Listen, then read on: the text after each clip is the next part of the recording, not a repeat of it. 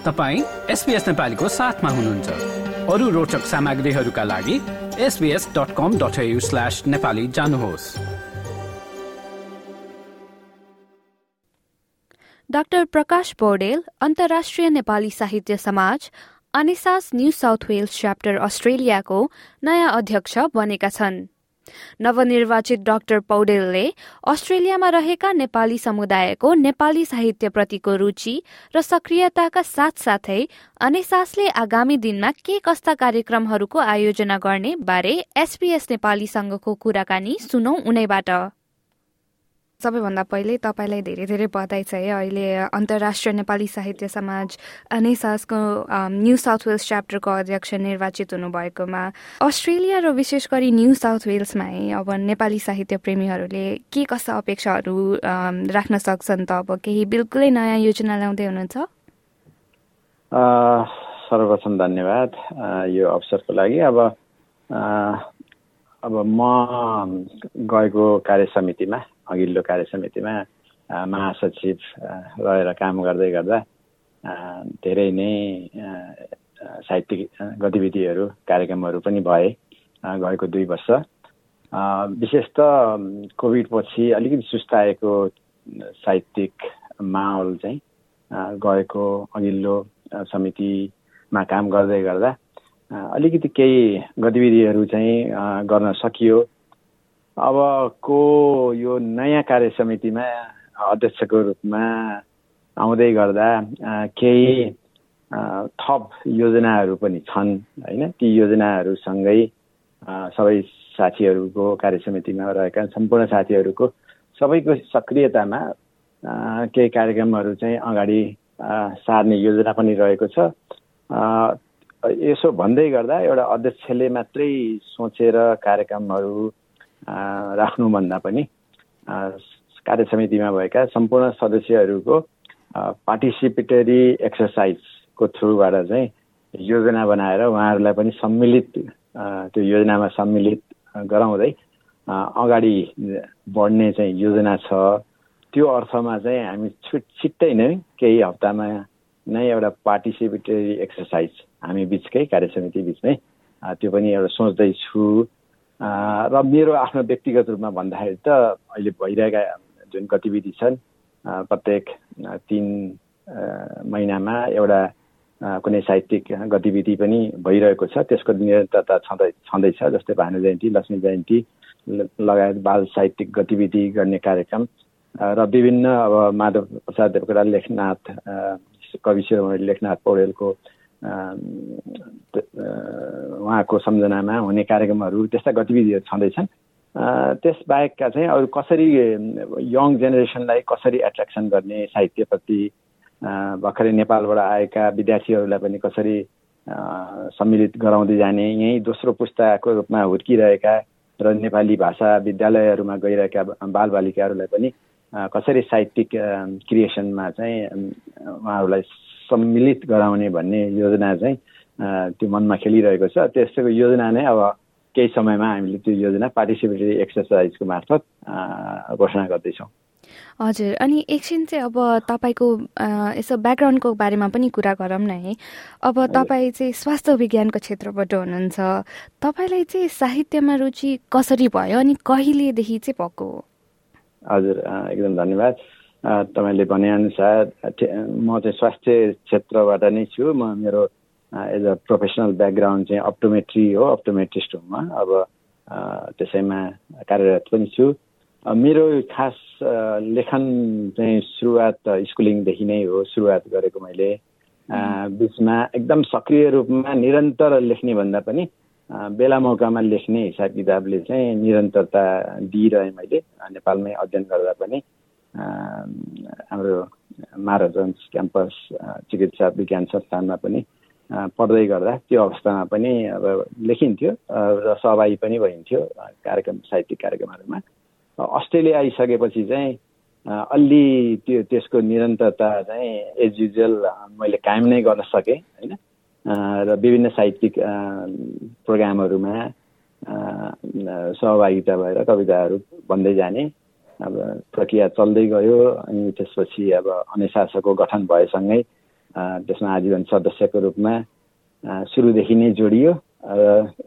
जोडिँदै विभिन्न कार्यक्रमहरूमा सहभागी हुँदै गर्दाखेरि आजको अवस्थामा चाहिँ आइपुगेको छ। अब सँगसँगै यही साहित्य लेखन सँगसँगै भाषाको क्षेत्रतर्फबाट पनि अलिकति यो शब्दमालाका शब्दमालामा रहेर केही समय चाहिँ मैले काम गर्ने मौका पनि पाएँ। त्यो अर्थमा पनि अहिले बाल साहित्यतिर पनि अलिकति बढी मेरो चाहिँ फोकस पनि रहेको छ। यसरी नै मेरो ब्याकग्राउन्ड चाहिँ एज अ साहित्यमा चाहिँ छोटो छोटकरीमा चाहिँ यति नै बन्नु पर्ला अहिलेलाई। हजुर।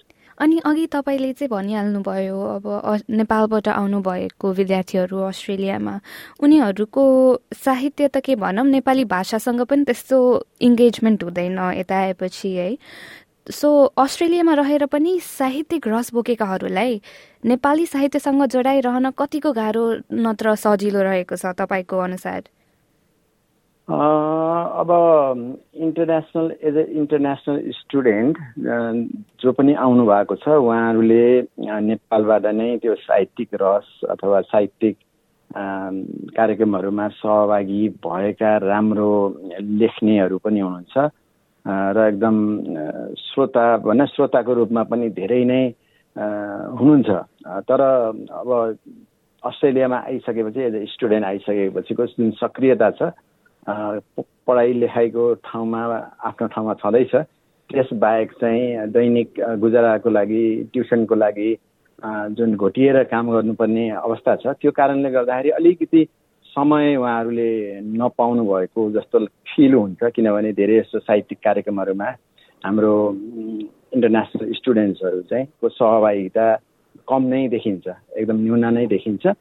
त्यस अर्थमा पनि अब सक्रियता चाहिँ उहाँहरूलाई उहाँको पहुँचसम्म पुग्नको लागि चाहिँ के कसरी योजना बनाउन सकिन्छ भन्ने बारेमा पनि समीक्षा हुँदैछ।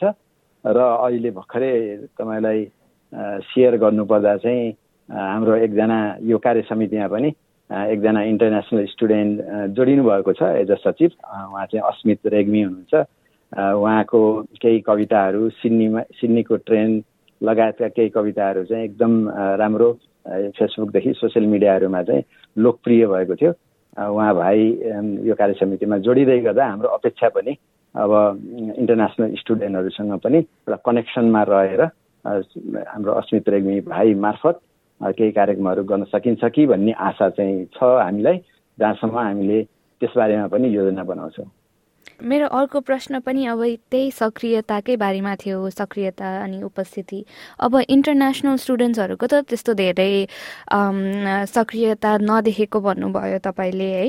अरू अब नेपालबाट आएका नेपाली भाषी अरू डेमोग्राफिकहरूको चाहिँ कस्तो सक्रियता छ देख्नु भएको छ? उपस्थितिहरू नेपाली समुदायको कस्तो देख्नु भएको छ यो कार्यक्रमहरूमा? अब हाम्रो सङ्ख्या नेपालीहरूको सङ्ख्या बढ्दो रूपमा पनि छ। अनि यो सङ्ख्या बढेसँगै अलि नेपालीहरूको पहिलो पटक चाहिँ आएर प्रायः जसो बस्ने बसाइ भनेको हाम्रो सहर केन्द्रित त्यसमा पनि वरिपरिका सभाहरू जस्तै अवन ग्यानबिलतिर एसपिलतिर यता रकडेल कोग्रातिर हुँदै गरेको अवस्थामा चाहिँ सुरु सुरुका कार्यक्रमहरूमा त्यहीँ नै फोकस भएर धेरै कार्यक्रमहरू हुन्थे। आजभोलि अब त्यहीँ मात्रै फोकस भएर कार्यक्रम गर्दाखेरि विद्यार्थीहरूलाई चाहिँ हामीले एट्र्याक्सन गर्न नसकेको अवस्थामा अलिकति सक्रिय रूपमा त्यही वरिपरि बसोबास गर्ने साथीभाइहरू चाहिँ जोडिनुहुन्छ फुर्सद भएसम्म।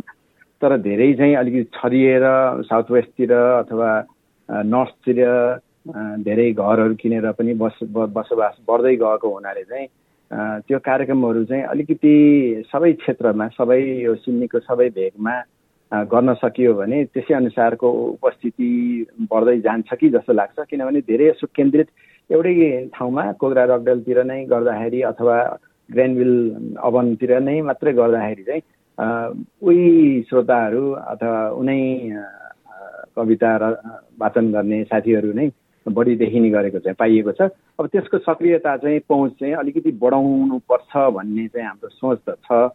त्यसै अनुसारको कस्तो कार्ययोजना बनाउन सकिन्छ अब हेरौँ।